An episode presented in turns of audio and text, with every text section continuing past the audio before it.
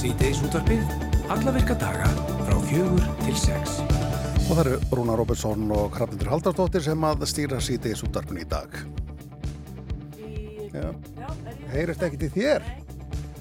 Já, já, það er skemmtilegt en eh, ég, já, já, ég gerir það bara en hérna Gjör það svo vel, hrandundi mín. Takk að þið fyrir. Í lók februar síðastlega posturinn og tilkynningu þess efnis að tilstæði að gera breytingar á þjónustu þar á bæ en á næstu missurum þá kemur til með að loka 8 þjónustustöðum postins við Sörunlandi og það verður meiri áslaglegð á samspil postbóksa og postbíla og brefbera og landpostaþjónustu sem að mun sinna þjónustu hlutverki postins. Uh, þetta hefur farið misvel í fólk. Sumum finnst þetta afleið þjónusta og þetta farið bara vestnandi.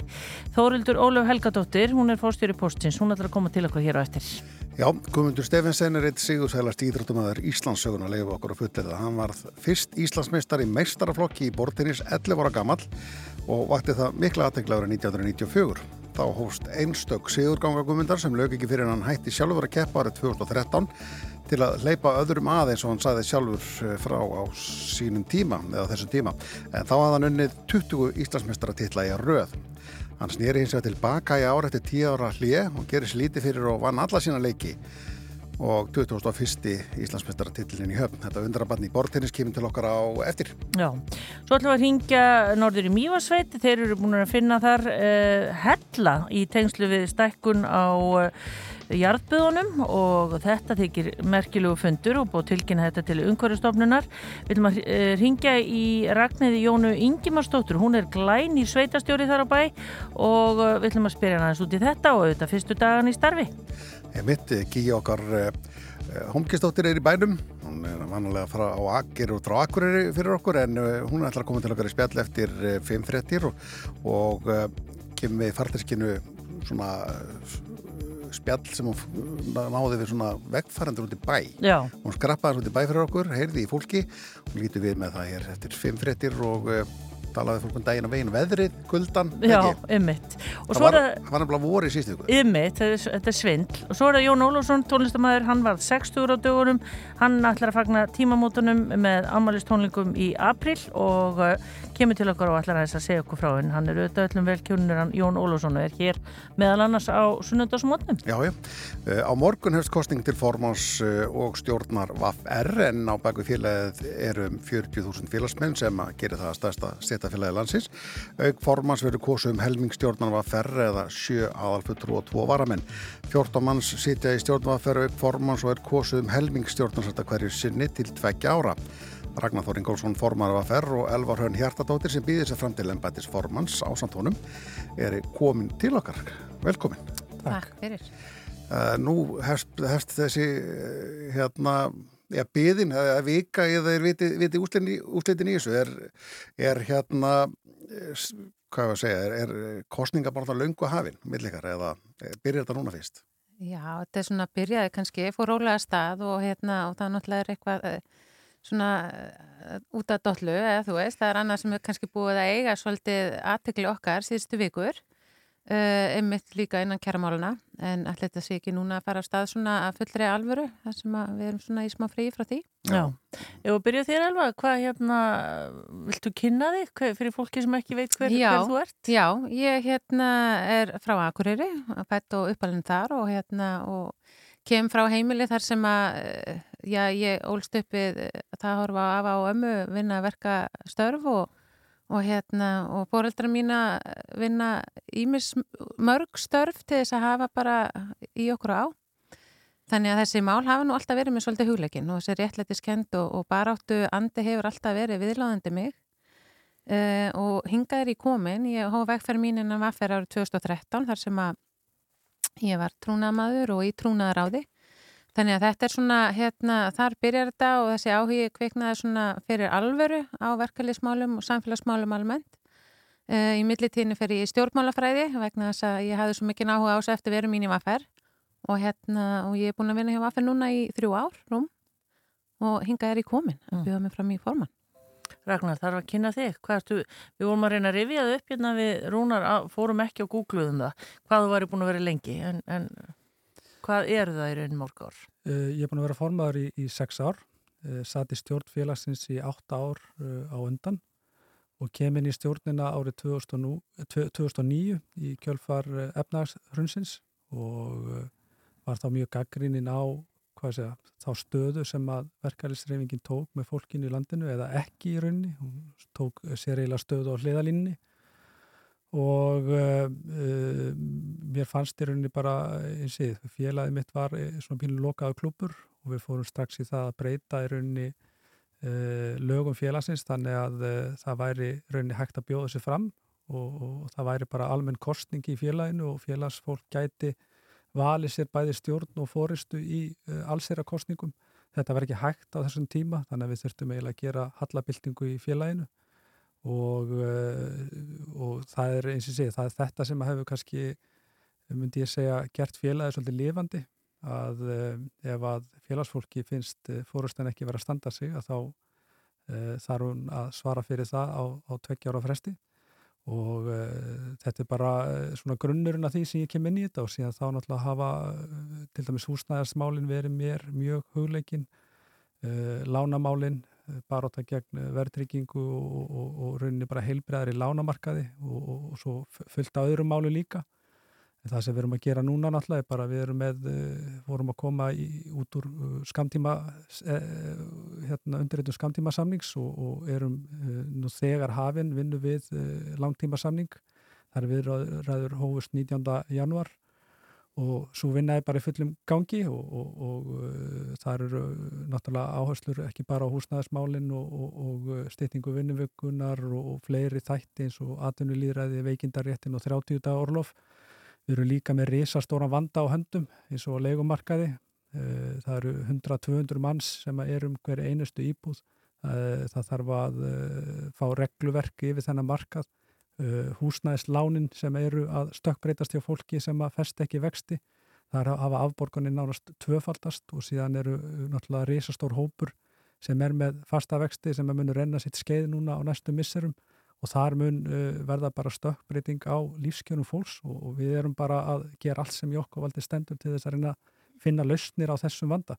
Mm. Er óðurlegt eða er nokkuð óðurlegt það við það að eftir sex ára þá hérna vil ykkur annar stýra félaginu verða formaður, þú veist náttúrulega mótfram á síðast líka mm -hmm. það er nokkuð óðurlegt við það að breyta áherslur er nokkuð holdt fyrir menn að sitja og lengi í svona Alls ekkit óðurlegt við það og ég fagna, fagna öllum, öllum frambóðum hvort sem að það er stjórnar eða, eða, eða formans og er óhrættur að setja mín störf í dóm félagsfólks og, og um það snýst þetta, það var þess að sem við vildum opna félagið vegna mm. þess að, að það er þá val félagsfólks í vaffer að velja sér fórustu og það fólk sem að það treysti til þess að leiða verkefnin sem eru framundan og þau verkefni sem við erum að fást við í dag og þau eru sko svo vægt sér til orða tekið krefjandi þannig að uh, ef að fólk vil skipta í brunni þá, þá er það tækifæri núna ef, mm. ef það vil Eh, eða treysti núvarandi fórustu til að leiða verkefnið til lykta eh, sem eru kjærasamning viðræðina sem að standa nú yfir mm. að uh, þá bara velur það svo. Já. Það er einmitt, hérna, kannski má segja það að ég sé svolítið í þeim spórun sem að Ragnar var fyrir sex annum síðan þegar hann bauð sér fram að því að það var svona ímislegt sem að hann var ekki alveg sáttu við innan félagsins og hérna og ég held að sé bara mjög emitt, mjög holdt og gott að, að allavega að kostninga í þessi stað og fólk sé þá bara sannarlega rétt kjörið. Og ég er eh, sammálað því að það er hérna við erum með mjög metnafulla kröfugerð núna í, í gangi í, í þeim viðræðum sem eru hafnar til þess að undirbúa hér langtíma kjærasamning og það er einmitt með húsnæðismálinn sem eru náttúrulega mjög mikilvæg að hérna það er svona stór hópur sem er í vandræðum og, og það er náttúrulega líka unga fólki okkar sem á mjög erfitt með að komast inn á markaðin og það er svona hópur sem ég myndi vilja beita mig og ég beiti mér mikið fyrir og, og ég mun beita mér fyrir enn frekar ef að ég næ kjöri. Uh, við erum ekki með ungliðar á því hvað fær eins og er en, en, en það er eitthvað sem ég myndi reyna að koma á laginna ná ég kjöri. En svo það við þurfum eiginlega að því að Vaffer er svo stórt félag, þetta er 40 manna félag og breytin er alveg svakaleg og fjölbreytileikin og hérna meiri hluti félagsfólks eru, eða meirin helmingur eru konur, meiri hluti félagsfólks er ungt fólk útlendingar eru 14% af félagsfólkin okkar og fer fjölgandi þannig að þetta er alls konar, þetta er reysastór hópur. Finnst þér, hópar hafa glemst í, að týnst í félaginu? Já, mér finnst svona allavega fókusin kannski hafa verið á einn hóp umfram aðra uh, og ég vil sjá það að við fögnum fjölbreytileikanum sem að er innan félagsins og við svona liftum honum hærra Uh, og, og reynum að koma til móts við uh, ólíka hagsmunni innan félagsins. Mm. Er það ekki grunnurinn í öllum félags, mm. hérna, verklæsfélagum uh, svolítið það sem að Ragnar eru vinni, það eru kjærasamningar og annað slíkt að bæta kjör? Jú, algjörlega og kjærasamningar er ekki bara það sem kemur í launæmslæðið okkar nei, nei. sem er auðvitað náttúrulega mjög mikilvægt en það er einmitt þetta sem hann var að koma inn á afðan og, og ég bæti við hérna líka hérna það eru jafnbreyttismálinn það þar og bara eins og var í fréttum hérna aðan, það eru 300 árþanga til að við náum kynjajafbreytti með þessu áframhaldi. Þetta er náttúrulega bara alveg sláandi að heyra þetta. Þannig að þetta er eitthvað sem að þarf að vera í allir í okkar vinnu og við þurfum að beita okkur ennþá uh, be betur og meira fyrir þessum málum mm. og ekki bara sko kynjajafbreyttinu, heldur líka bara að, að taka með inn í myndina að við erum alls konar, við komum úr alls konar, uh, með alls konar bakgrunn við erum af ólíkum uppruna, við erum, við erum með fólk hérna í félaginu okkar og hins einn samfélaginu, fólk sem er að díla við einhvers konar föllun, úst, þetta er allt saman eitthvað sem við þurfum að, að taka með inn í myndina þegar við erum að, að semja Já, þegar félagsfólki okkar. Hefur þú slegið slöku við þessum málum, Ragnar? Um, nei, ég, ég held ekki en, en ég held að uh, það er alltaf hægt að gera betur og, hérna, og það er ekkert að líta fram hjá því að, að þegar þú færi mótframbóð og það hljóta að vera aðrar áherslur eða í það minnsta einhverja svona einhverja línur sem að hérna eins og eh, elfu mótframbjóðanda mínum uh, finnst þurfa að leggja meira áherslu á og, og hún hefur uh, kemur vel inn á það í þessu viðtali.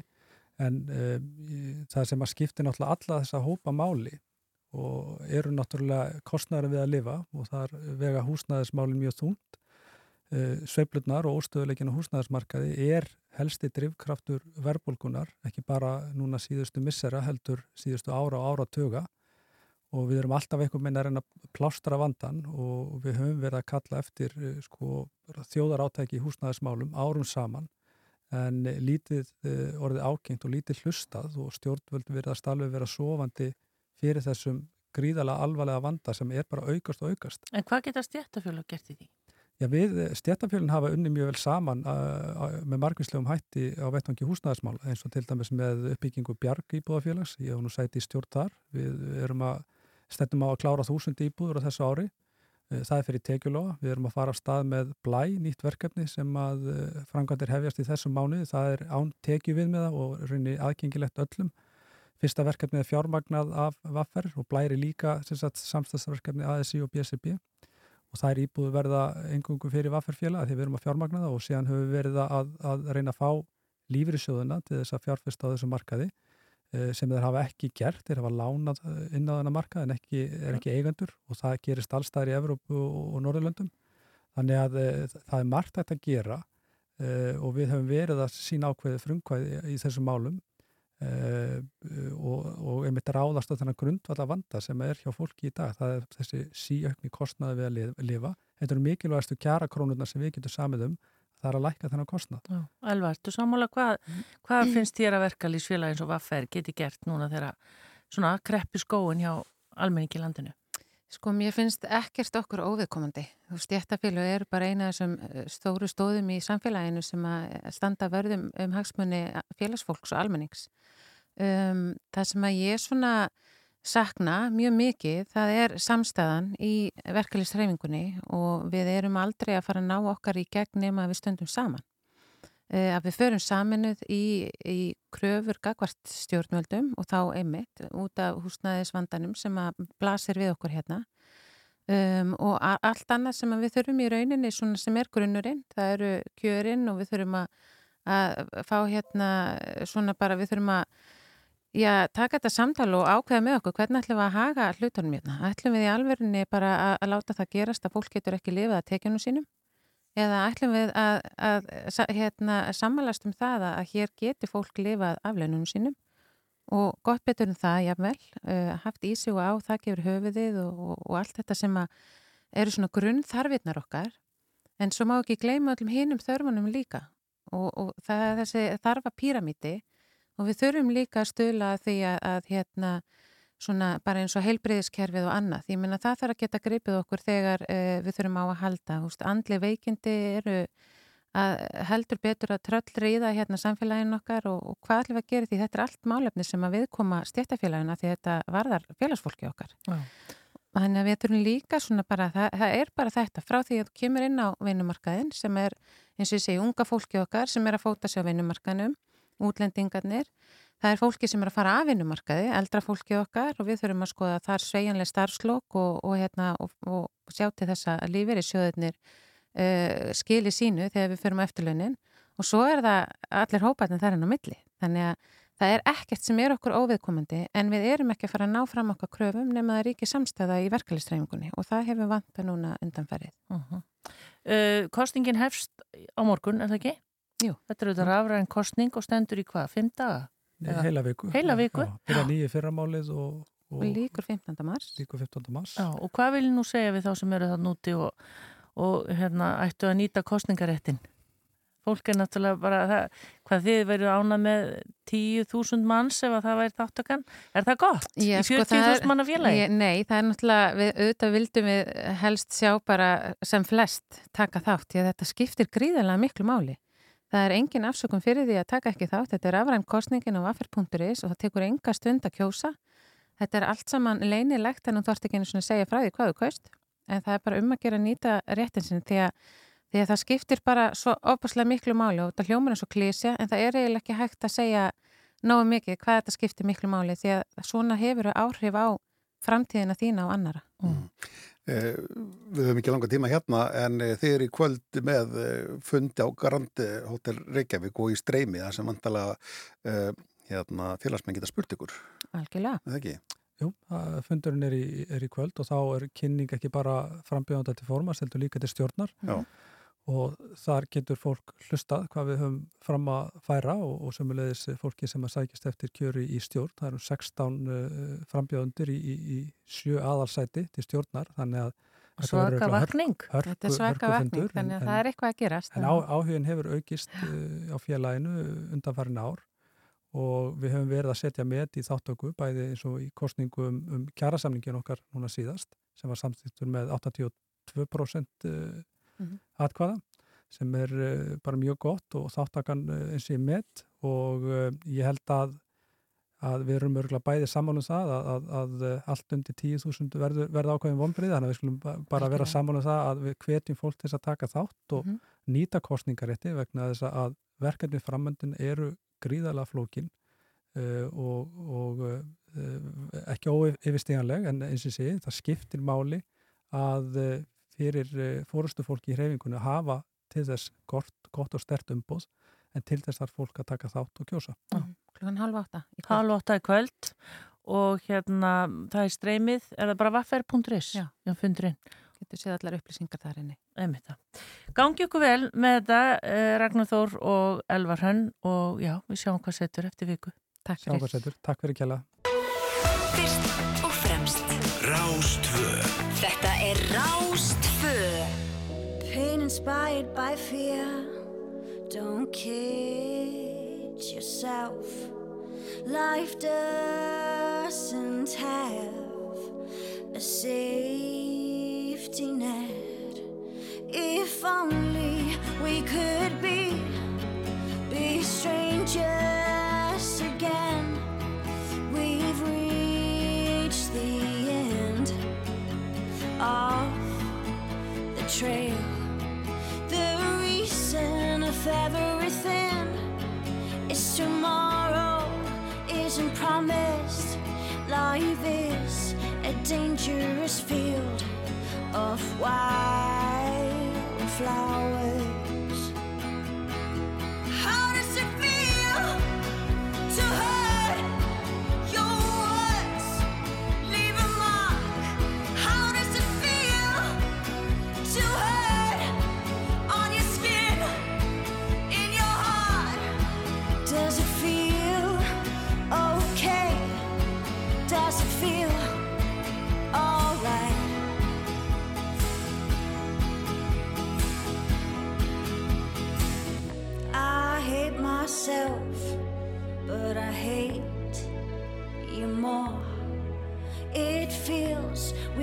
To an end. No more words to say. You laid me down on the floor like a broken promise. I hope my words will crawl on your skin. How does it feel to hurt?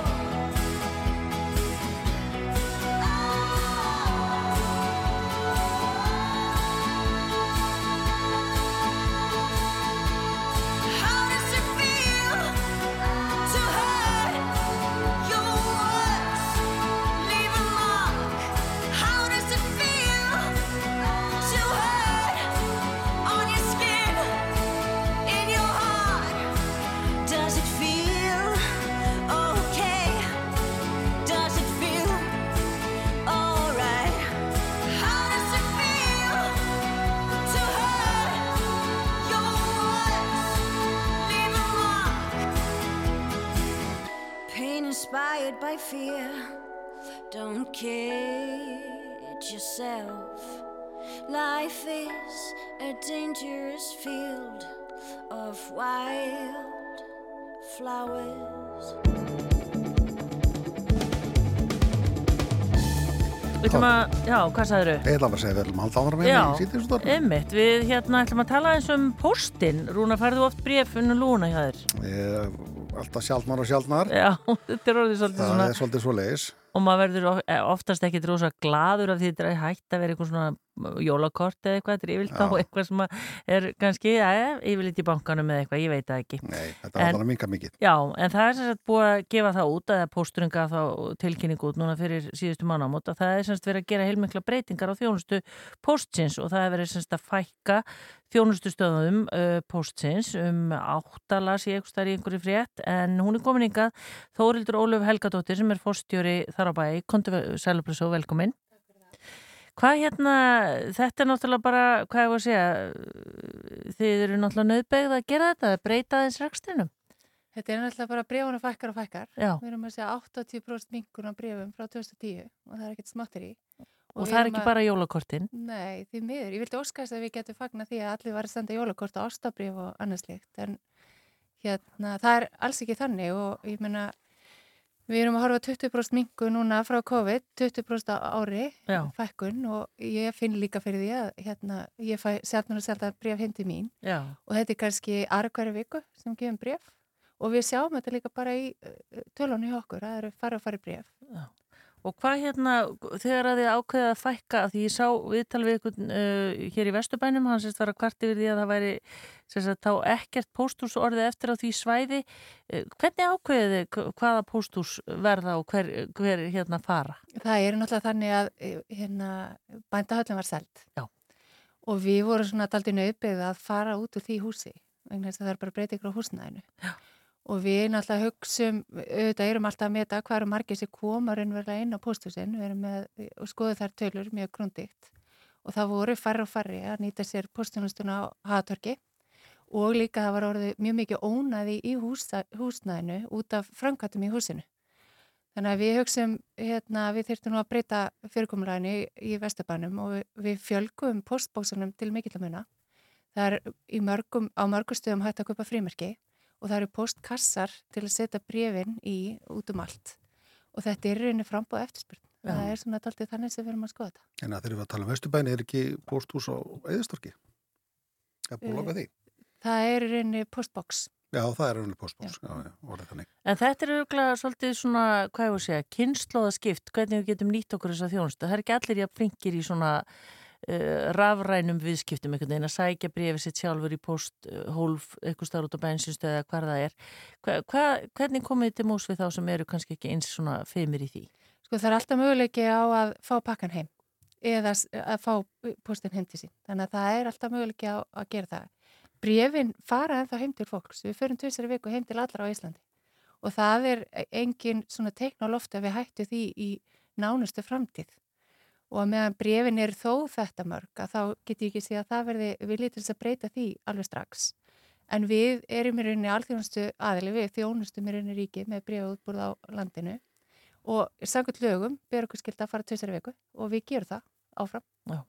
Er þjónustin, þjónustan líka að minka að, að þessu leiti á landsbyðinni versus höfuborgarsvæðið eða hvernig? Í rauninni ekki sko. Við förum hérna, í rauninni er það þannig að allir pakkar til dæmis sem koma inn í postnistöðuna í Reykjavík á fyrir klokku fjóra daginn eru keiriðir út á landsbyðina daginn eftir, ef um nóttina og eru dreifðir í sveitir daginn eftir. Þannig ég myndi segja að það væri ótrúlega góð þjónusta við landsbyðina hjá postinum. Það er alveg magna.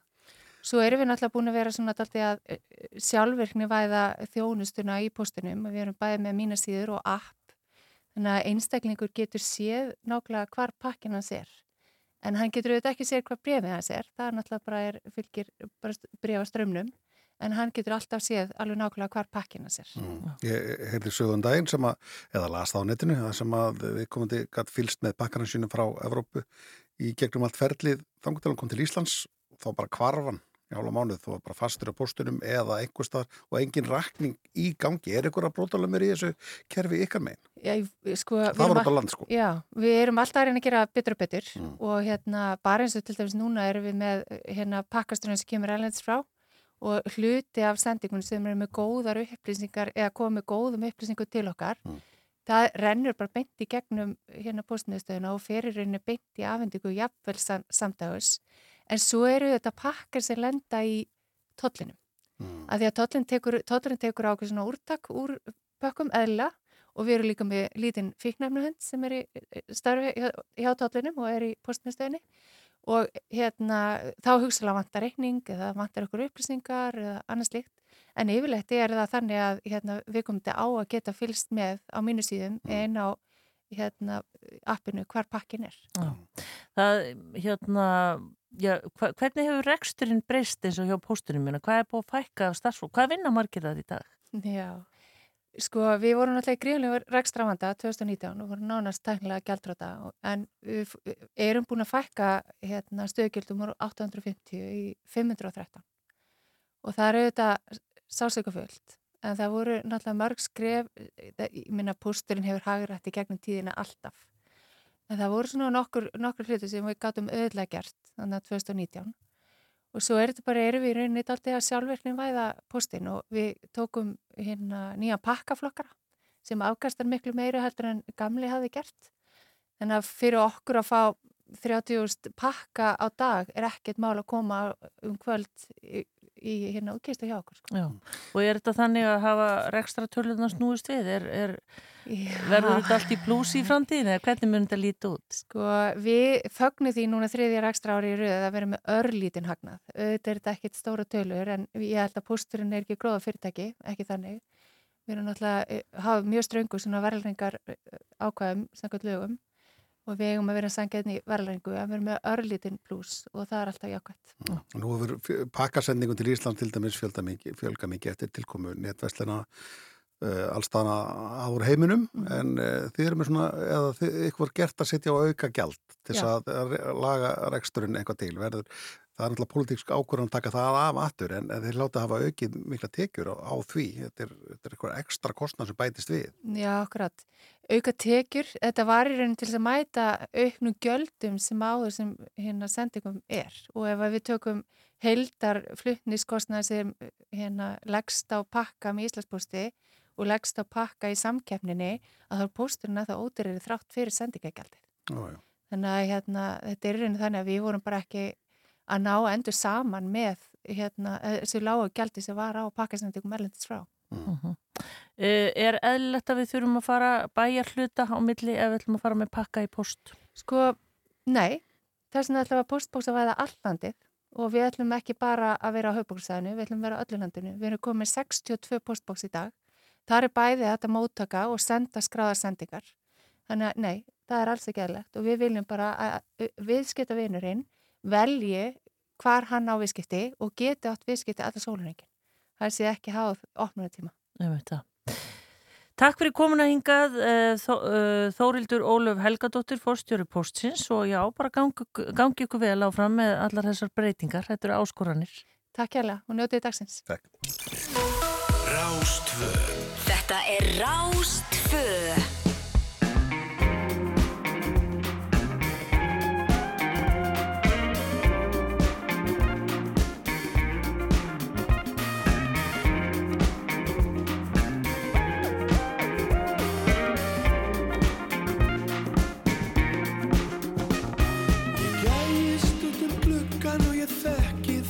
þögg, ég þekki Parísar borg.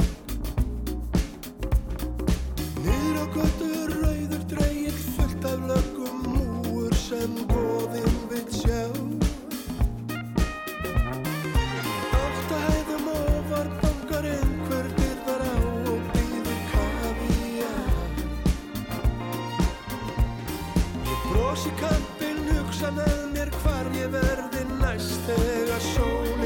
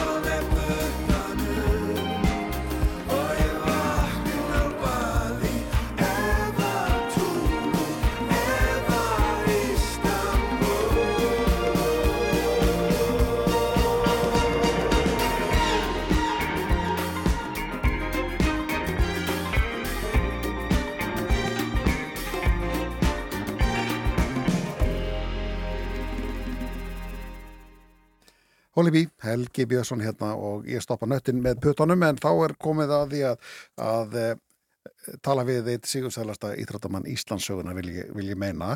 Uh, hann er, eh, varð Íslandsmeistari í meistraflokki bortennis 11 ára gammal, 1994, vann síðan bara í 20 ári röð, dróð sér hlið eh, snýri aftur núna en daginn og, og vann þá bara aftur. Og hann hefur unnið rétt tæplega 100 Íslandsmeistara titla í úlinga og fullorðinsflokki einliða, tvíliða og tvendaleg einn unnið titla í Noregi, Svíþjóð, Breitlandi og Hollandi.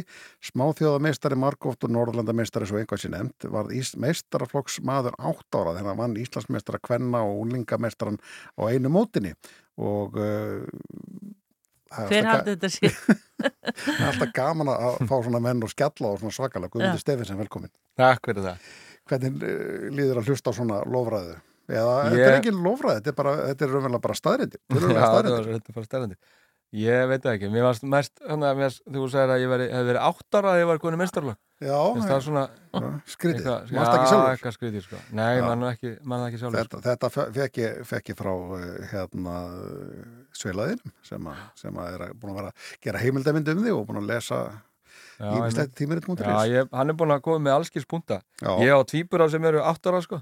Já. Ég geti, þau geta valla, valla lappa beint, sko. Nei. valla lappa eftir línu.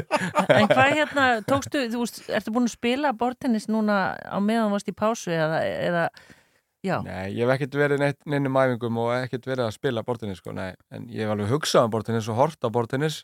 Þetta er ekkert sem ég var eitthvað lokað á, en tíminn er bara búin að líða rosalega. Ég Já. egnaðist hérna týpuraði mitt hérna kringum þegar ég var að hætta og, og kom svo eitt, í, eitt á eftir líka. Þannig að þessi tíu ári er búin að vera bara í ykkur allt öðru í lífið minu, búin að vera bara í náttúrulega að vinna í, í rafköp og sjá um fjölskylduna og bara í ykkur allt öðru. Mm. Þannig að nei, ég hérna, hef ekkert verið að æfa eða reyfa, minn eitt eitthvað mikið, þetta hugsa maður um sig og, og hérna, og reynir að lifa að lífi. lifa heilbriðu lífi svona, svona þokkalega sko. En Getur þú útskýrt þessa svakalegu yfirbyrði í bortennisinu? Þú hættir 2013 og uh, svo bara þegar þú kemur aftur þá vinnur þú strax. Hva, hvað er þetta í genunum? Ég hef reyttir einhverja bróðið verið líka, hefði verið hörku góður. Tíma. Ég held ég hafi þetta bara allt frá mömmu sko. Já. Pappi vil ekki meina það þetta er. þetta var nefnir að mamma er aldrei snert spaða. En hún geti haft eitthvað, eitthvað hana. Ég held ég sé að fá þetta allt frá mömmu. En þannig að ég veit ekki hvað eitthvað að útskýra. Þetta er ekkert, ég bara hef verið, var alltaf döglur að æfa og rosalega mikil svona skaman í bortinnis og íþróttum og, og bara, æf, ég eins og segja, já, þetta, því meira sem þú æfið því betri verður. Já. En hefur orðin sér mikil svona þróun í tæk, eða þú veist, er sami, sömu boltar og sömu spaðar eða hvað, hvað hefur breyst á þessum tíma? Frá því að það hefur ekkert breyst mikið. Það hefur alltaf einhver smá breytingar en það hefur, mér finnst ekki endilega að vera þróun frekar en eitthvað aftur. Það, hefur, það var breytt kúluna aðeins og eitthvað svona í spaðanum en það var bara til að hægja á leiknum aðeins. En það var engin svona það er, nei, engin stór breyting þannig sko, Nei. frá því ég spilaði sko, það var ekki þannig. En nú horfum við yfir, yfir sviðið og mætir á Íslandsmótið eftir nokkara vikna æfingar. Uh, það er ljóta, hvernig, er, hvernig lítur sviðið út? Er uh, efnilegir aðalar hann inni? Það eru sko, eins og ég æfði með Íslandsmeisturum svo í fyrra, Magnús Hjartars. Þannig að núna í svo tvo mánu, við erum búin að æfa bara hverjum degi og búin að vera alveg stífar æfingar. Ég er alveg búin að þurfa að leggja verilega á mig. Og þannig að hann er mjög flottur spilari. Hann, hann vann í fyrra og það er oft erfitt að koma árið eftir og alltaf, hann tapaði því miður núna komst ekki ústilegin gegn mér tapaði undanlóstum og svo hefur við Inga Darvis nú talaði ég bara um vikinga, ég er litaði sko. Já. svo er það Ingi Darvis sem er 20 strákur sem ég vann í undanlóstum sem ég tel bara að vera strákur sem ég bara vera taka við sko. algjörlega, hann, er, hann, er, hann býr, býr í Svíþjóð núna er bara hörku spilari og auðvitað ungur, hann er 20 og hann, átti, hann átti eiginlega að vinna mér, finnst mér en eins og segi, ég er búin að segja ofta hérna bara Guð, Guð var með mér. Hann hjálpaði mér Já. en hann, hverju- já. já. ég vann hann Já, en okkur komst aftur? Ha. Okkur kemur aftur eftir tíu ár? það var hann svirði minn sem hún sagði á hann, Mm. hann Júli Hástein kom til minn og svona fór, fór að ræða það og já, var eiginlega bara búin að set, skipulegja það að fara að gera þætti um ferilinn hjá mér Mm. sem ég var auðvitað mjög gaman þannig að- að fá að sjá þú veist, það er gaman það er eitthvað svona, eitthvað svona verið að gera og hann vildi endilega að ég taki comeback. Það er því eitthvað svona Þa, það er kvikn að gera maður bara að hugsa. Já, hann vildi endilega sjá eitthvað svona comeback. Og ég auðvitað bara, veist, hef alltaf lokað á allt svona að sé að fara, sé að bara allt og seint. En hann að einhvern veginn kveiknaði þetta á mér. Ég er þetta búin að hugsa þetta í tíu ára langa að fara að koma aftur en mér hef alltaf finnst að vera ómikið pressa og, Mm. og einhvern veginn erfitt að koma tilbaka og, og veist, hvað er maður tapar, hvað er þetta? Og er ég búin að eðilegja allt sem ég vann hérna undan? Hugsa allir að þessi sé betri ég og eitthvað svona. Þannig að ég hef svona aldrei tekið skrefið að koma aftur. Og það er mjög erfitt að koma aftur þegar maður er búin að vera sigurveri áður. Já, og og ég hvað held að það sé vin- allir íþróttamenn sem hafa verið sigurverar og eru hættir kannski og langa að koma aftur. Það er alltaf þessu hugsun bara Mm. þú veist, mun allir halda í Já, er ég eiðilegja arfleð? er ég eiðilegja einhvern veginn fyrir mér sko. Já, Mm. að það er einhvern veginn óþarfu kannski að hugsa það en ég var líka að hugsa það sa, sa, á leikdag og allt þetta Mm. og það er erfitt Já. en það er eitthvað Já. stolt sem er eitthvað innan manni og maður vill ekki klúðra sko. nei, þú sagðir hérna áðan, þú, þú eiginlega gerðir þetta ekki úst, fyrir, fyrir hérna, þessa, þessa þætti, en líka fyrir kannski ekki Já, það var það sem að ég var eiginlega svona, var að keppa lögða en og búin að vera á síðust daga bú- búin að setja rosa pressu og fannst ég vera tapaði bara leiklegin eins og lögða en ég var að spila þrjá leiki og ég var bara veginn alveg týndur. Mm. ef ég spilaði eins og lögða þá hef ég ekki átt sjens í strákinu Inga Darvis hann í undanústum þannig kom timminn hann í morgunin þannig að ég var hitt upp og ég var veginn bara veginn hugsaði ekki um annað bara eitthvað ef ég tapa og þá þetta og Júli mun, mun skera mér hálsinn ef ég tapa og þetta og, og bara krakkarnir upp í stúku og eitthvað svona. Þá kom Eva Jósteins mér hann í morgunin og, og tók mig að snýra jörðina bara svona, þú veist, gummi, þú ert ekki hérna fyrir ykkur aðra, þú ert bara að gera þetta fyrir sjálfa þér og það er einhvern veginn bara mjög einföld orð og, og bara það hjálpaði mér rosalega það kom mér svona einhvern veginn það laga hausun á mér þetta er mikið haus, hausinn svona þessar íþróttir, þetta er ekki bara að vera æfa og æfa og æfa, þú verður að vera rétt stiltur, hausuna þér sko. Mm. En hvað svo? Hvað ætlar að gera svo? ætlar að halda áfram núna? Ertu komin í verður að spila júla strángara? gerir bara allt sem hann segi nei, hann að ég eiginlega ekkert planað það sko. Þetta var, ég nautist rosalega að spila hann á sunnudeginum og bara þessi strákar mér langar alveg að æfa áfram með þeim sko, en ég er, ég er ekkert að fara að koma með eitthvað, eitthvað að spila allar helgar og Nei, ég hef ekki tíma, er tíma í það þér, ég hef nóg annað að gera sko. En þannig að ég veit það bara ekki alveg. Ég tímbilið nú að klárast hérna heima. Þannig að ég sé bara til sko. Nú er, nú er verið að bjóða mér að koma að spila fyrsta april út í Hollandi júlasteldinu þar, Já, en ég er ekkert að fara að gera eitthvað svo list núna, þetta var bara, þetta var bara lítið ævintýr. já, þetta var ævintýri sem ég varst rosalega gaman. Ég var með krakkana minn upp í stúk alla og kona og mamma kom fyrst skipt að horfa mig held ég. Ég held að hann hafa aldrei hort að mig spila. Aldrei. hún var upp í Já, stúku núna. Ok. hún hefði bara ekki, tau, hafði aldrei taugari að Nei. koma. Hún var alltaf inn í stúkunni og Ásta sýstir þetta var bara einhvern veginn geggja moment sem ég bara á og mun alltaf eiga. Já, það var sannlegt.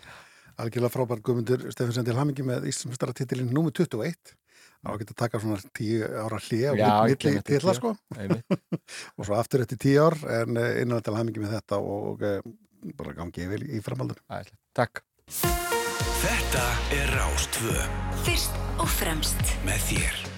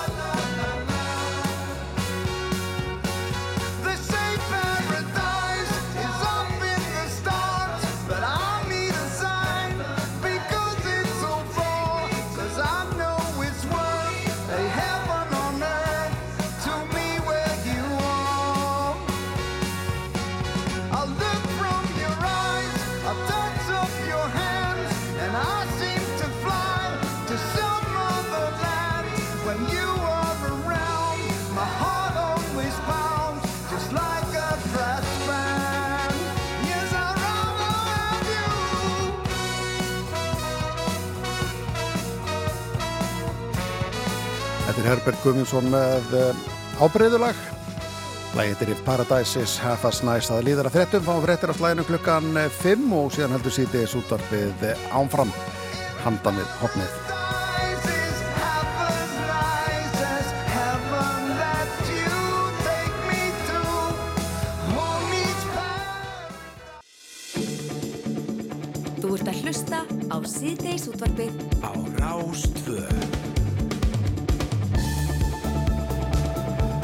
Höldum við í síðdeis útvarpnu Rafnindur Haldarsdóttir og Rúna Robertsson til klukkan 6 og nógum að vera hjá okkur á þessum klukktíma. Já, við ætlum meðal hans að ringja norður í Mývarsveit, við ætlum að heyra miklum hellum sem fundust þarna, það er verið að stækka þarna jarðböðin og uh, það er bara búið að finna hann enn, enn eitt náttúru undi, það Já. verður nú eitthvað fyrir ferðamennina þegar að það má fara að fara þarna, það þarf auðvitað að tryggja þetta sé allt saman í lægi. Já, já, rannsaka þetta allt annað. Er ekki smá flott að fá þetta bara hliðin á emitt ferðamanna stað. Já, hugsaði þér, þetta er nú alveg típist en uh, við ætlum sérst að, að heyra í, í uh, glænýjum sveitastjóra sem að, já, hún tók við fyrir nokkur dögum.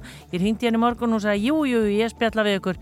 Ég er svo sem ekki inn í neinu eða ég er nú bara rétt svona komið fyrir en uh, hún hérna uh, Ragnæður Jóna Ingimarsdóttir heitir hún. Uh, sveitastjóri í Þingaðsveit, hún verður á línu hér eftir. Heldur betur og í lok þáttar fáið til okkar eh, Jón Ólafsson, tónlistamann sem var 60 ára á dögunum og hann ætlar að fagna þeim tímamótum með afmælastónlingum en Jón hefur náttúrulega komið víða við á löngu ferli í tónlist og í daskar og gerð bæði í sjónvarpi og útarpi er hérna sundasmótnum og við ákomum að draga hann hérna inn og, og taka hliðin á honum Útarsmannin heldur bara svona tónlistamannin og fara yfir fyrirlin hann er alltaf búin að vera rástvö var, var bara í byrju Já, já, og hérna, svo er hann alltaf bara á hann fullt af, ég veit ekki hvað hann á mörg börn. Það er, ég er bara hægt að telja. Hægt að tella þetta Þetta ég. þetta- eru fleiri, fleiri, fleiri, fleiri stykki en við Já. ætlum að tala við hann. Og svo er það Gíja okkur Holmgjörnsdóttir hér eftir smá stund. Hún er í Reykjavík og uh, hún ætlar að segja okkur, hún fór aðeins út með tækið á hann vitum ekkit hvað hún uh, gerði. Hvað þýðir það að fara út með tækið? Já, að fara að taka við til fólk já, já, ok. eða þú ert alltaf með símtæki náttúrulega en hún var með mikrofón fáum að vita það hér eftir smá stund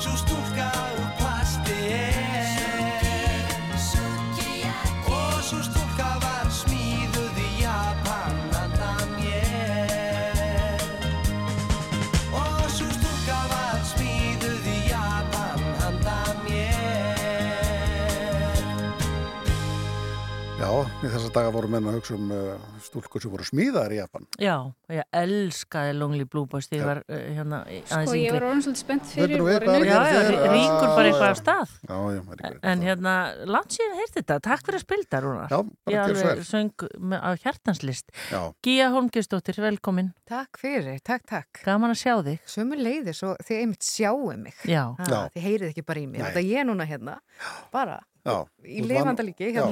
og ekki bara í höfustan Norðurlands á Akureyri, senda þaðan út. Já, já, en maður það nú stundum að skreppa í bæinn til þess að sína sig og sjá aðra, Já. upplifa höfuborgina og svona nágrinni og mikið eigum við fallega höfuborg. Ég elska komingað. Já. Ég elska komingað. Og mér finnst svo gaman að sjá, það er eins og ég komi aldrei, en, en þú veist, þegar ég kem, að það er svo gaman að sjá allt sem breytist og alla nýju byggingarnar og ég elska þessu uppbyggingu sem er í nýri miðbæ og ég bara dyrka þetta. Heyrðu, vá, hún er aldrei sjá hvað hún gíja. Við, hérna, við kannski tökum ekki eftir þessu við hér búum, af því að hérna, maður sér þetta á hverjum degi. Nákvæmlega, svo, veist, svo bara einhvern veginn gengi hérna um miðbæin og, mér finnst þetta svo þetta er bara eins og að vera komin pín til útlanda mm. ég er stannuslist að horfa á bara allar þessar mögnuðu byggingar og breytingar og bara hvað er mikið mannlíf allt í hennu komið og mér finnst þetta bara æði Mm. elska þetta Nú, talaðu um það, er ekki einhverja breytingar fyrir norðan í þess áttina, að breyta eitthvað hafnakantinum og eitthvað, er ekki, er, er ekki svona einhver framtíðaplun? Jú, fullt af framtíðaplönum og það er mikil uppbygging. Það er hérna þegar maður keiri drottningabrautina rétt áður en maður kemur að leikhúsinu þá er verið að byggja þar alveg Já. mikið af uh, húsnæði Mm. og það er að vera svona búðir í, í, á jarðhæðinni og kaffihús og svona hugulegheit. En svo mestu breytingarnar þær eru þarna hjá tónlistarhúsinu Hofi, menningarhúsinu okkar og það er verið að stækka þarna bryggjukantinn og þar eiga að vera líka eitthvað svona skemmtileg kaffihús og, og svona hægt að fara þarna út af sjónum sem er auðvitað bara svo dýrlegt. Já, Við erum nýbúin að fatta það inn á Íslandi að það getur verið hugulegt að sitja við sjóin og drekka kaffibóllan. Þetta Já. var einhvern veginn ekkit, var, við vorum ekki að fatta það lengi vel. Nei, ég er líka bara fólk uh, vandi að fá bremið í andlitið yfirleitt þegar það hugsa um, um sjóin sko. en uh, þú fær það ekki þarna allan ekki að bollinum, Nei. ekki alla Gíja, þú fóst út með tækið eins og ég orðaði það, mikrofónin. Já, já, já. Í, Rún- í hvaða erindagjörðum? Sko, þið vitið að ég er nú alveg, ég get ekki hægt að hugsa um veður. Ég elska veður. Þetta Já. er svona að vera norlendingur eða eitthvað. Við hugsum alltaf um veðrið. Og það er vist bláar tölur í kortinu og, og, og spárnar segja að það verði kannski mínus 19 um helgina fyrir norðan en aðra segja mínus 10. Við skulum bara sjá hvað gerist. En það er allavega bláar tölur í kortinu en það var eiginlega komið vor sem við skulum bara segja hafa verið svikavor. Já, En ég fór sem sagt á stúfana, fór í kringluna og tekkaði bara á fólki hvað ég fyndist um uh, þessar bláu tölur í kortunum og hvernig áhrif þegar hefði á þau. Við skulum heyra hvað kom út úr þessu. Sko ég var orðin svolítið spennt fyrir vorinu því það var orðin svolítið hlýtt og sumalegt og gott um, en ég er svo sem ekkert á móti kuldanum svolítið kalt að býja til strætó en annars bara svolítið hressandi En finnst þið veðrið hafa alveg beint áhrif á skapið þitt? 100% Eða það er sólúti þá er ég alltaf miklu betra skapi maður bara svona finnir það inn í sér Já, það væri betra að hafa rauðu tölurnar heldur en heldur en bláu kuldatölurnar. Hvernig hefur veðrið svona áhrif á þig dagstæðilega? Já, við förum til dæmis mikið út að ganga og það er erfiðar að fara út að ganga ef það er frost og það er hálka úti til dæmis. Betra þegar það er alveg aukt og er gott veður. Þó að sé ekkit mikill hiti en það er sama ef það er sól og, og ekki hálka eða snjór. Jú, og svo eru það skórnir. Maður vil nú svona losna við hérna, stóru bomsutnar af, af fótunum þegar það fer svona aðeins að byrta til. Og hvernig er búið að vera hjá ykkur hérna í GS skór? Eh, er búið að vera stöðu trafík? Fólk að spyrja um léttari og, og, og svona opnari skó? Já, algjörlega, er mjög mikið verið að byggja um strígarskó núna og S-bandrillur og svona sandala, svo leis. Og sáu þið alveg virkilega mun þegar fóru að verða svona betra veður að þá fór fólk meira að koma? Algjörlega, svo meiri von í fólki. Meiri von í fólki? Já, algjörlega. Og hvað verður svona inn í skótískunni næsta sumar? Við erum að sjá svona ballerur í skó sem er svolítið fyndið, sem að voru bara frekar hallaræslega í síðasta sumar sko, en alveg svolítið inn núna, svona skandinavísk tíska. Og ballerínuskór, eru þetta þá bara einfaldir ballerínuskór, bara einlitir eða eru ykkur minnstur eða ykkur skraut? Hvernig svona, uh, hver er stællin á þessu? Við erum bara svona meira fókus á bara svona einleita, krútlega, svona lágbotna. og sem eru þægilegi líka. Nákvæmlega, það er ekki vera. Þannig að það er von í fólki sem að kemur hérna og verslar skó af ykkur. Loksins. En hvað með hérna, nú er pínu kuldi í kortunum, heldur að fólk fari þá alveg í baklás? Nei, nei, það bandar að sé bara að ferða út, eða hengi? það er bara tenni á línuna? Já, segjum það nú. Ok, það er sko líkansrættastöðinni í kringlunni líka, ég ætla að tjekka því. Og það er svona spurning, hvernig er það með fólk sem er að mæta í líkansrættina í svona góðu veðri eins og er búið að vera undarfærið, er fólk duglegur að mæta í rættina? Um, já, ég myndi segja það. Það er erfið að koma sér út í bíl í þessum kulda, alveg klálega. Já. En líka út af því að tímandi byrja svo rosalega snemma hjá ykkur, hvenar er fólk að koma í hús svona fyrst? Sko, við opnum 6. Ég er komin svona 5.50 þá er ég komin og þá er oft svona að meðaltali 10 manns sem er að býða og þetta er oft sami hópurinn sem er með svona rútínu bara og ég stundi þetta með þessu sjálfur einu sinni þessum aðtöðan tíumbila sem ég er reynd að fara í ræktina fyrir vinnu sem er einmitt á þessum tíma, svona 6 og 7 og það alveg klárlega bitnaði á mér þegar ég vaknaði og kíkti út Mm. hvort, að, hvort að ég sá frosti á rúðunni eða, eða ekki sko. það, það var oft sem ég snýri við og fó bara aftur undir seng um leið og ég sá veðri sko. þannig að ég myndi þetta klárlega spila inn í En hvernig líst þér það á þessa hérna, kuldatíð sem er framöndan? Fyrir, að mínum mati þá er ég ekki til í þetta, ég er búinn að fá nóg sko. Já.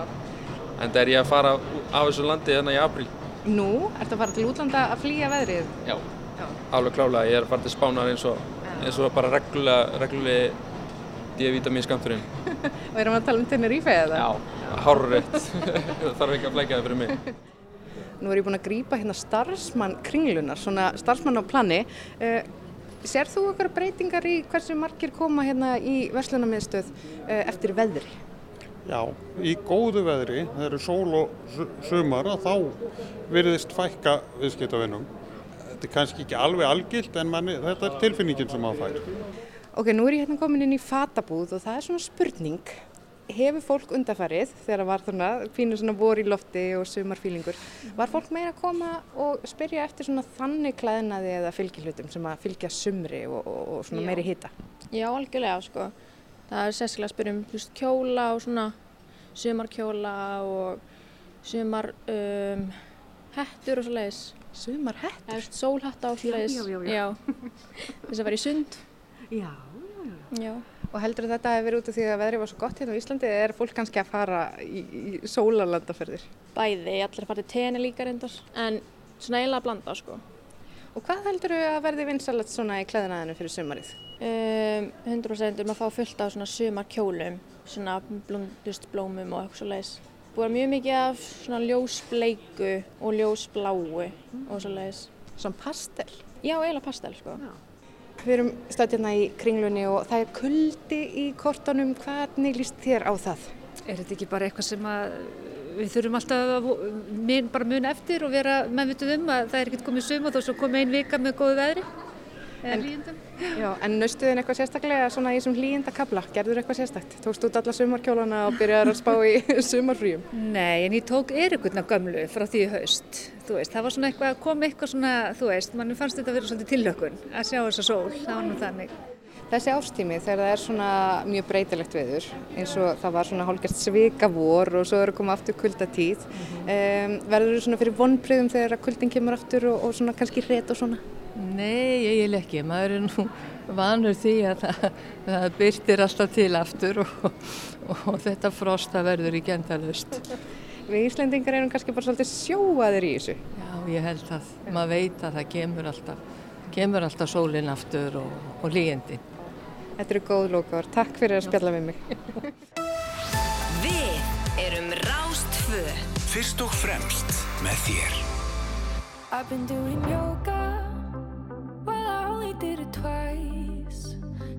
Drinking any water. Not taking anyone's advice. And I've been looking through our photos. I know I shouldn't, but I do. Cause I've been trying to remember who I am without you. Cause you went in a hurry, left everything blurry. I can still feel the vertigo. New life, new city, leaving everything behind me. Think I'm finally ready to let it go.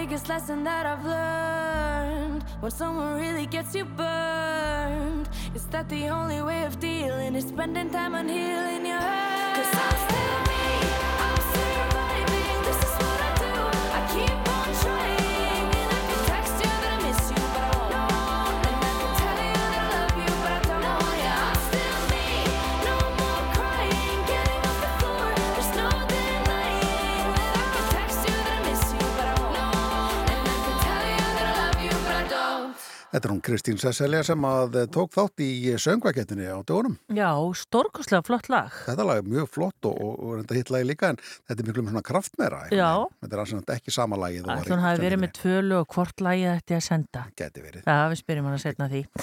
en það er sem sagt, e, voru bara strettir af því að það er verið að stekka semst jarðböðin í Mývarsveit og eh, að að, hérna, þá kom í ljós hellir sem að, já, tengist þessum jarðvegs framkvæmdum og það eru bara, hérna, jarðvísindamenn held ég á leiðinni, það er búið tilkynnið til umhverjustofnunar, þessi hellir er 12 metra djúpur og verðist vera víður og langur þannig að kannski verður þetta eitthvað að því sem að ferðamenn í Mývarsveit geta barið augum á næstu misserum, ég veit það ekki. Ragnöður Jóna Ingimarsdóttir, nýr sveitastjóri Þingiðasveitar, er á línni, kontur sælublessuð?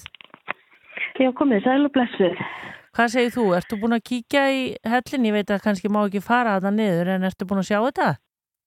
Nei, ég hef ekki séð þetta en það fóru starfsmenn hérna frá sveitafélaginu voru kallaðir upp eftir til að, hérna, að kíkja því að þetta náttúrulega er þarna bara á hotnin á þessari byggingu sem við erum að vinna í þannig að, að hérna, byggingafullur okkar fóru upp til að skoða Já. sjá hvernig þetta væri. Og leist vel á?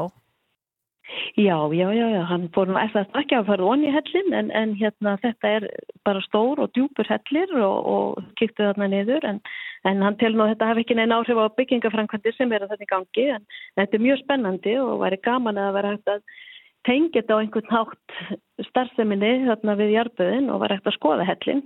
Já, Í framtíðinni? Já, það stóði mitt í þessari frétt í fréttablaðin að þetta væri bara tengt eða mjög nálægt það sem að útikleifarnir eru kannski af því það er svo margt hægt að gera í dag ef að má fara þarna niður og þetta er örugt þá verður það nú spennandi. Já, já, mér finnst það allavega bara alveg einbóðið að skoða það og ég veit að þeir eru eitthvað að, að svona reyna að, að skoða þá möguleika til framtíðar hvort það verði hægt að, að, að, að nýta þennan helli eitthvað og fá ferðamenn getur fengið fara þarna niður og skoða. En, en það þetta er náttúrulega bara alveg ný, hann er nýfundin og það er svo sem ekki komin eitt og hreint með það og umhverfstofnun er, að- er að koma í málið og skoða þetta og, og hérna og þetta, já, þetta er bara rosa spennandi tímar og sjá hvort það sé ekki hægt að nýta hann meira heldur en bara, heldur en bara hafa hann lokaðan þarna. Já, við vitum að þú ert nýtekin við sem sveitastjóri þarna en, en vantarlega uh, sérðu það fyrir þér í starfiðinu að uh, miklu vaksta möguleikar fyrir ferðarþjónustu á þessu svæði. Að einhvern veginn, manni finnst einhvern veginn allir fara á Suðurlandið? Það eru gríðarlegi vakstamöguleikar hérna og nú er þetta sveitafélag sem er nýsaminað úr Mýfarsveit og Þingaðsveit og heitir nú Þingaðsveit. Þetta er náttúrulega landmesta sveitafélag á Íslandi þannig að það er alveg Já. frá miðjum vatnajöklu og, og niður að sjón, niður í Flatjadal og á þessu svæði eru okkar, okkar bara helstu náttúruperlur á Íslandi þannig hérna eru gríðarlega vastatækifæri. Já. Gríðarleg. Þú ert að koma Og við sjáum það líka með flugi frá, sem er beinu flugi til Akureyrar að, að það er alveg, alveg hérna, mikil tækifæri því og fjölga, fjölga hér ferðamönnum mikið. Já, Hmm. og þú ert að koma sem, sveit, þú varst sveitastjóri Húnaþings, er það ekki núna áður? Húnaþingi vestra. Já, Jú. og hérna, hver, hver heldur þú svona að verði helsti munurinn, veistu, finnur það eitthvað á þér? Eh, Það er náttúrulega bara eh, öðruvísi samfélagi því leiti að þetta er náttúrulega mun land meira og hér er meiri ferðarþjónsta, meiri styrkur, húnatings er, er landbúnaður. En þó að ferðarþjónsta það sé vaksandi en hér er ferðarþjónstan að verða kannski eina grunn atvinnugreinum og hér er þetta náttúrulega mun land meira sveitafélag en, en ég held að öðru leiti séu svona verkefnir þau sömu fyrir sveitastjóran þó að hérna þó að svona sa- sa- samfélagið og, og sveitafélagið séð annað. Já, en hvar, hvar verður þú nákvæmlega staðsett? Ég verð staðsett á laugum. Já, ömmit. Uh, Í Reykjadal. Hvað sér þau? Í Reykjadal. Já, laugum í Reykjadal. Þeim indislega stað. Já, er Já. yndislega stað. Já. Er hérna, er kallt hjá okkur? Það er eitthvað að vera að spá ykkur um fimbul kulda þarna? Já, það er maður nú ekki orðið í morgun, ég hef ekki farið út meiri dag en, en það er aðeins snjókoma en, en, en kaldara heldur en hefur verið undarfarða daga. Já, einmitt. Við verum að sætta okkur við það. Já, já, er ekki vetur en þá. jú, jú. Eh, Spennandi, Ragnar Jóna, við höfum eftir að heyra oftar í þér og við segjum bara að við vonum það besta og þetta verði enn eitt undrið á, hérna, þessu svæði sem að hérna, ferðamenn alltaf elska og við vitum það. Já, já, þeir elskar að komast á njörðina. já, já. Takk fyrir spjallið og hafið, það gott og gangið vel í nýja starfinu. Takk sem leiðir. Já, bless, bless. Þetta er Rástvö Fyrst og fremst með þér. Það er komið að veðrinu. Það byrjar alltaf einhvern veginn að dilla sig við þennan takt. Við erum hérna okkur tíðrættum veðrið í dag, Já, já. Það líst ekki á að, að, að þessi búið að svíkja okkur um þetta vor sem var byrjað. Æ, við erum, við erum komið svo harðan skráp hérna á Íslandi, við erum öllu vön. En það eru sem sagt bláar tölur hérna í kortunum og það er eins og rétt sem hún sagði þannig að þeim er ekki alveg sama, ber ekki alveg saman spánum bæði hjá bliku og veðri.is og það er kannski allt og snemt. Það er þriðdagur í dag að sjá hvernig þetta lítur út um helgina minnstu kosti. En uh, það eru samt sem áður uh, blikur á lofti Já. Norðan og norðaustun á 10-80 metrar á sekundu verður kvassast á suðausturlandi og vestfjörðum. Jæljagangur um landi norðan og austanvert en annars úrkomulítið. Svo dregur smá saman úr vindi og úrkom í nótt og morgun, léttir víða til. Norðan 3-10 og víða létt skíð annarkvöld, skíjað og smá jél norðaustan til. Og frostið 3-11 stig, kaldast inn til landsins. Og ef við kíkjum inn aðeins inn í helgina þá segja þér hér að uh, það drægi heldur úr frosti uh, á Það herðir af frost um helgina og svo dregur frosti strax á mánudag þannig að við vonum þetta sé bara stutt skott, Já, ekki? Já, já. Ha? Við re- reynum að, að halda í þá von. Já. Vorið er handað á hotni. Þetta er bara spurning hversu lengi á að býða með það. já. já, þú ert svona bjart sitt Já. já, já, Þetta er meira komið mars. ég veit það Tala um 7. mars og, og hérna mánuði viðbót og þá erum við hérna svona sjá þetta, sjá þetta aðeins betur. Ekki gleyma páskatrið, er þetta að gleyma páskarréttinu? Nei, það... Nei, við nú ekki að gleyma því Nei, nei, enginn Ha. þetta, þetta því. Herði, já, við hefum eftir að fá eitt gest hérna eftir, hann heitir Jón Ólafsson Já, að aðeins að spjalla við Jón Ólafsson, tónlistamann eh, og dagsakjara mann, hann var 60 ára dögunum, hann ætlar að fagna því, meira það hér eftir.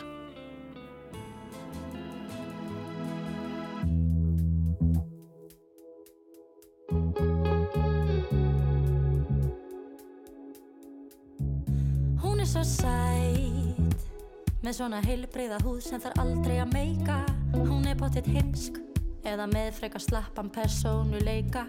Og hún er svo klár Alltaf langkæst og svo vakant og einbeitt. Það er eitthvað að Því félagslífið er þá varla neitt neitt. Þarf ég að rífa eina niður til að hýfa mig? Upp Er ekki pláss fyrir fleiri.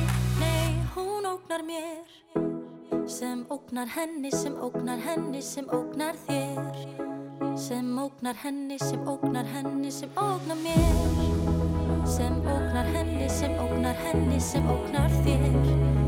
Og þú ógnar mér og kannski ógna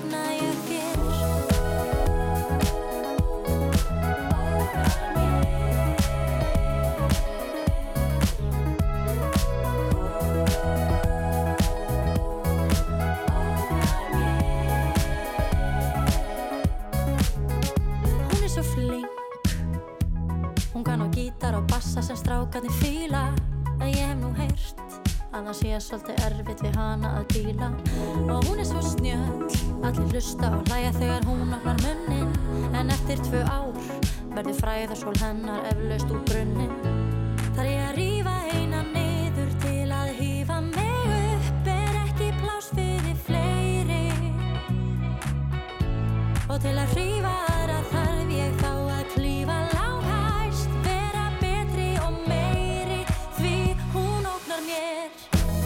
Sem ógnar henni, sem ógnar henni, sem ógnar þér. Sem ógnar henni, sem ógnar henni, sem ógnar mér. Sem ógnar henni, sem ógnar henni, sem ógnar þér. Og þú ógnar mér og kannski ógna ég þér. En er það að segja um aðra stelpu Að hún sé sæt og klára frábær Eins og að auðsa vatni og brunni Með takmörkuðu vatni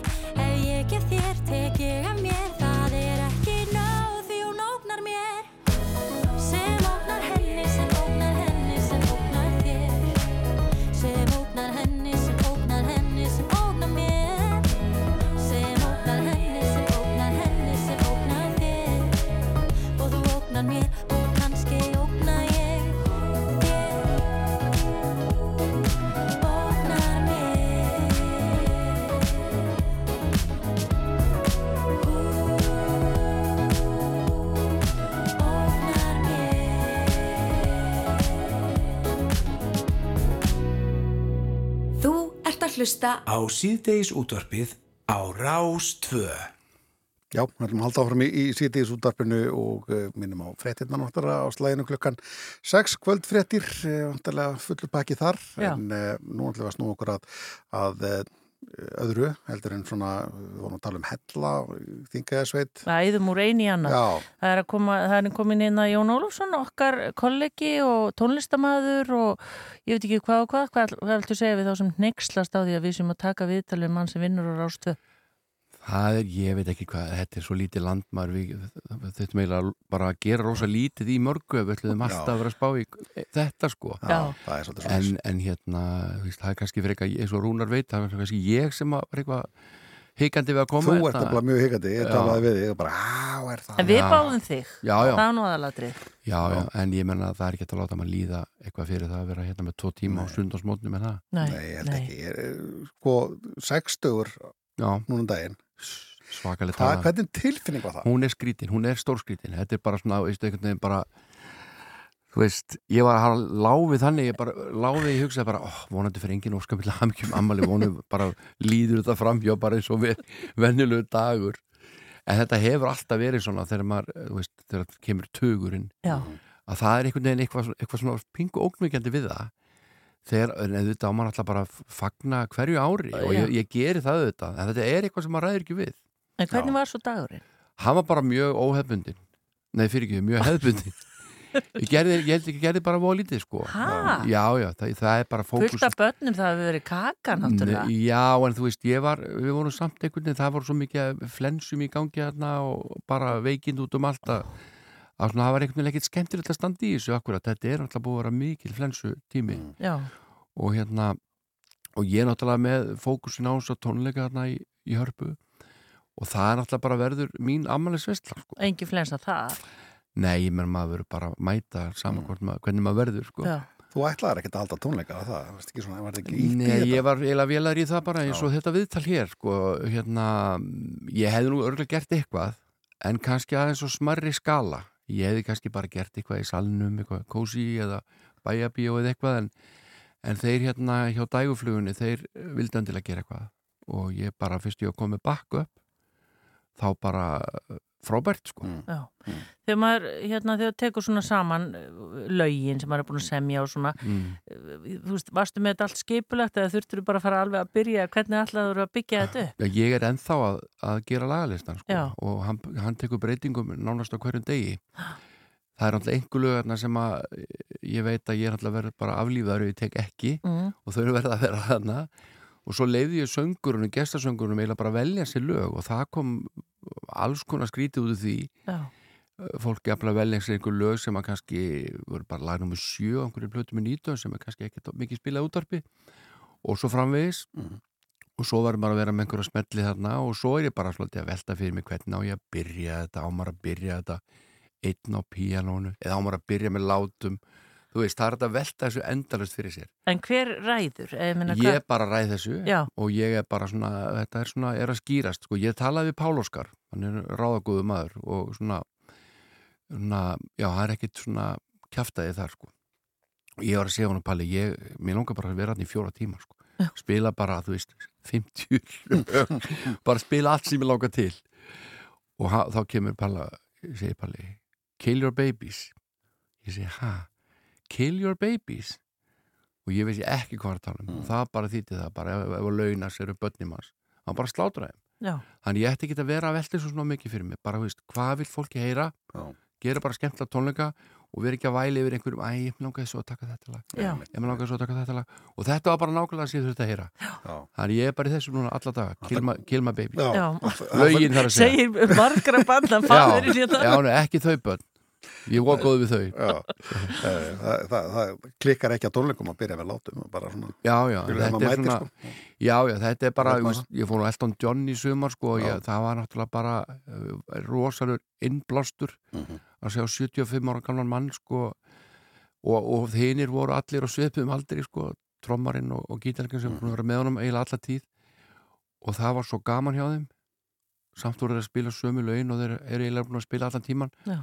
Og ég bara horfði á hann og ég hugsaði bara, heyrðu, þetta er bara hægt maður getur bara verið þessu Eða Billy Joel. eða Billy Joel, þú veist, ef maður hefur ennþá gaman að þessu þá getur maður heldur fyrir að spila fram í rauðanduða sjálfsögðu. Er, þú, þetta dagsakera maður í útarp og sjónvarpi, þú varst þar ástöðu hérna í árdagana. Hvað hefur breyst? Uh, Þetta spyr maður bara eitthvað sem er komið. í Já, Já, því að það er líka þetta ár núna, sko, 40 ára, rást 2, 40 ára. já. Já. Það sem er náttúrulega breyst er að, að, að hérna, sko, þegar ég var að byrja hérna í fyrstu þáttunum, þá skrifaði maður allt niður sem maður ætlaði að segja. Já. Það var einhvern veginn bara, þú veist, eina, eina fyrirmyndi var bara eitthvað rás, rás 1 og svo kemur rás 2 og maður er einhvern veginn svona að reyna að hald, fara með það einhvern veginn lengra, vera með gott mál, allt rétt sem maður segir og tafs ekki neitt og ekkert okkar var þetta mjög vant held ég að vera í beitni útsendingu. Og þannig að það, maður skrifaði allt og, og veist, ef maður hlustar á gamla kynningar frá þessum tíma þá er þetta alveg agalt að hlusta á þetta því að þetta er svo uppskrúa og tilgerðilegt að því það er allir að lesa eitthvað texta að reyna að láta það hljóma eins og það sé ekki skrifað. Já. en svo svona eftir svona tvö ár því ég var búin að vera hérna í morgunþættin þá fekk ég minn eigin þátt, létti sprettir það voru fyrstu um milli fjóru og sex og þá fór ég bara að hætta að nota handrit kannski eitthvað fyrir, ég veit það ekki. En Mm. allavega þar var ég aldrei með handrit. Nei. og ég hef ekkert bara nota handrit síðan en ég séð, þú veist, að gera einhverja svona sérþætti En eins og sundarsmöndum, ertu ekki búin að gera neina svona línur eða ertu bara, ekki neitt texta. Nei. en ég er bara búin að velja lög. Og en svo er ég stundum að bara breyti ég bara þegar ég er komin í gýrin sko, þá allt í hennu bara heyrðu, fæ ég hugmynd Já. að því ég var að spila eitthvað? Og þannig að þú veist, mér finnst sko, ég reyna alltaf að koma, sama hvað ég er búin að sofa lítið, reyni alltaf að vera í beinni útsendingu því mér finnst það það er stuðið, Já. eins og þið vitið að vera bara í beinni útsendingu og ímynda sér að einhver sé að hlusta á mann Mhm. og mér finnst eiginlega skemmtilegir útvarpi heldur en í sjónvarpi þó ég hef gert, ég hef gert bæði útvarpi lifi líka þetta alltaf eitthvað nei. Já, þið sjáu bara þegar, Eiríkur Guðmundsson fellur frá og það bara var ekki talað mannaði marga vikur, bara röddinn var í horfin og allt þetta þessu og þá hugsaði hann með mér já, það er margir hlusta útar sko, þrátt fyrir allt Einmitt. En hvað hérna var ákveðin kona sem að þú lætu stundu syngja fyrir ammælisböð dagsins á sunnudugum? Já, Miss Miller Já. Já. Söng hún fyrir þig á sunnudugum? Nei, það er svolítið langt síðan ég spilaði hana sko Já. En það var Alltaf hlær maður eins og mann finnst þetta Já, fáral. mér finnst alltaf að fyndi En það, það var eitthvað fólk sem sendi mér afmæliskveður hins vegar á Facebook með henni með þess að það var að hefna sig Já. með þess að þetta er allt gott Já, já. En hvað hérna, svo eru líka söngvararnir og og hérna listamennir, Jón, sem þú er búin að vinna með. Já. Þú ert náttúrulega búin að vera svo líka bara í leikúsum og út um allt. Mhm. Var það ekki derfitt að velja? Hverjir er alltaf að koma að vera Að með þér á sviðinu? Jú, jú, jú, það var náttúrulega bara, uh, þú veist, mikil hausverku fyrst. En svo bara hugsaði bara með mér, ok, þetta verður náttúrulega að vera skinsamlegt, bara í fjölda. Ég fyrir ekki að gera fyrirtækinu sem að er að standa að þessu, að bara heimta að vera með 20 söngvara. Þannig ég bara, veist, dattir einhverja tölu, veist, nýtönsk var það að vera. Ég ákvaða að taka ekki, þú veist, bítlanafélagi, ekki sálina eða þú veist, byggja það fólk um að koma þetta fram með mér uh, að því mér, lang, mér fannst það svo fyrirsjálegt mér langaði að þetta væri einhvern veginn þannig meira bara að fólk sæi bara ég var í ennþá að gera eitthvað skemmtilegt í músík en ekki ég var bara í einhverju upprifin þess nákaði ég að fá söngara sem ég finnst vera svolítið góður að tólka texta Eins og hverjir? eins og K.K. og Pál Óskar og Valdimar og Möggustínu og Hildivölu og svo framvegis eh, fólk sem ég held bara upp á og mjög ólít fólk líka mér langaði bara að ég hugsa, ég á svo mikið að balluðum það verður gaman að heyra Palla syngja einhverja balluð eftir mig og K.K. þú veist, hann er alltaf bara þú veist, ég dyrka K.K. og svo, og svo framvegis, sko, þannig ég var ekkert að spá í hver hafði sungið eitthvað lag eftir mig á plötu bara ég ætla kannski að syngja eitthvað á tónlingunum sem einhver annar sunga á plötu og, og hérna Pállóska syngur kannski eitthvað sem að steppi Hilmarsöng og svo framvegis þannig að fyrir þá sem koma á tónlingana þá verður þetta kannski svona aðeins einhver ný upplifin heldur en bara þessi verið að rifja upp eitthvað gamalt Já. Já. og ég er líka alveg til í sko bara að leika mér aðeins með lögin þegar ég fer aðeins með hljónstunni bara að fá input frá hljóðfærleikurinu bara þetta voru eitthvað skemmtilegt í huga breytt ykkur og Já, svona, ég af var að- einmitt að spáði það hvort það væri nýjar útsetningar Já, því ég hef, sestar, ég hef ekki gaman af tónleikum sem er alveg svo plötur. Ég, ég var mikil elómaður í gamla daga. Mér langar ekkert á eló. Ég er búin að sjá sko, myndir af Hyde Park og svona og þetta er bara nákvæmlega eins og plata. Já. Uh, þú veist, og það bara gefur mér ekki neitt. Sko. Þú veist, ef þú fer á nýtönsk, það er ekki líkt plötunni. Að við náum ekkert að framkvæma það. Við þurfum að gera eitthvað annað í staðinn. Já, já. Og það, það, mér finnst sjálfum gaman á svo liðstónleikum. Ja, þið varst að tala um að, að ólíkir söngurar syngja, syngja lögin að hérna, það er nú eitt lag eftir því sem að eh, hefur verið gefið út með uh, ég er ekki bara fjóru söngurar sem hafa sungið flugvilar Jú, við, við grínast með það mikið að bæði, hvorki, uh, bæði Stefán Hjörleifsson og Óli Hólm eittir að syngja Já.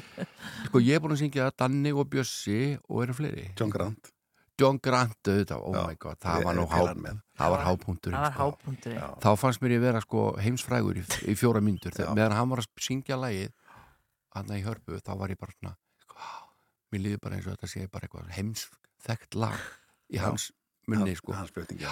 já, já, það er hérna allir það sé ekki bara lífsegasta lagið mitt í dag, ég held það bara að segja mig þá og er svo fyndið sko þegar ég lagði það fyrst fram á plötu með nýtvork þá var ákveð að láta það býða fram á næstu plötu já.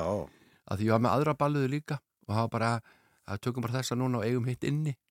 Og grunaði kannski engan að þetta er því svona vinsælt. Nei, en kemur eitthvað alveg splungunýtt úr smiðju Jóns Veist, sextugs Já, þetta er líka, bara þetta er mjög góð spurning sko, ég á alveg hellingalögum og ég er bara svona mikið að spá í að hvort ég eigi, þú veist, að taka upp eitthvað eitthvað nýtt efni fyrir þetta en það myndir sennilega því að það, ég þitt að flytja á tónleikunum og þá þarf ég að íta einhverju gömlu góð út. Þannig að þetta er endalus svona fabuleringar en það selst vel sko, þannig ég er ekki einhverju svona mér finnst ég ekki þurfa að gera það Nei. en það væri alveg hæfi. Þannig að það má vel vera að ég hendi eitt lag sko. Já, og þeir eru hvenar, tónleikandir? Þeir eru bara sama kvöld og ásótið ykkar okkar, Og hvernig- 22. apríl. Já. Þannig þeir eru í Silvurbergi og ég er í Eldborg. Já, já, já. Þannig að það er leiðilt ásótið þá getið þið bara yfir á tónleikinu á mér. Já, við vorum ekki búin eins og búin að ákvæða hvort við ætlum að fara á hérna ásóttíðina. Nei, En þið hérna- komin alltaf tónleikina Ásótiðin er alltaf sko. Já. Þetta er bara einu sinni. Já, akkurat, það, það er bara svolítið svolítið, er. En hvað er í pípunum? Eh, Nýta önsku annars líkt, er þið eitthvað með Já, við erum að fara í bæjabíó núna í mæ og svo hérna eh, eitthvað, eitthvað meir í sumar og svo bara tökum við náttúrulega haustið í Eldborg Já, einhver upptökur?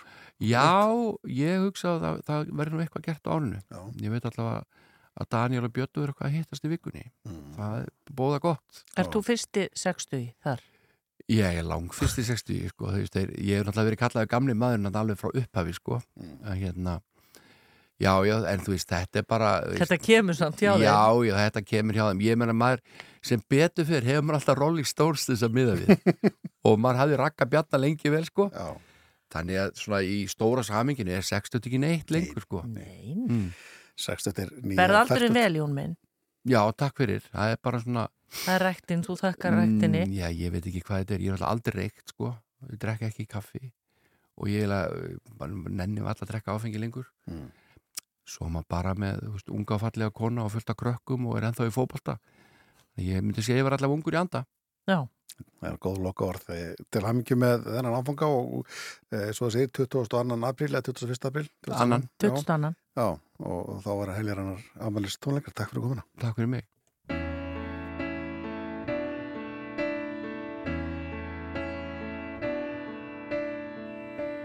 Þegar ég horfa þig mér finnst ég vera til Allt verður auðveld, allt verður einfalt, getur verið að samanlæða sá.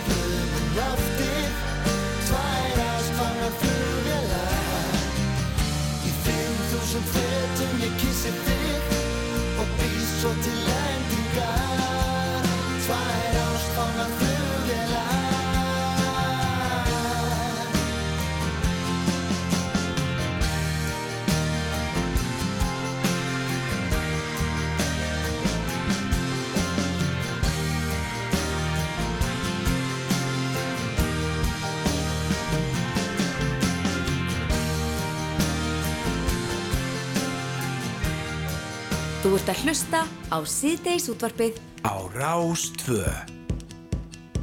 Nú finn ég fyrir enginn, ég fyll í bíl.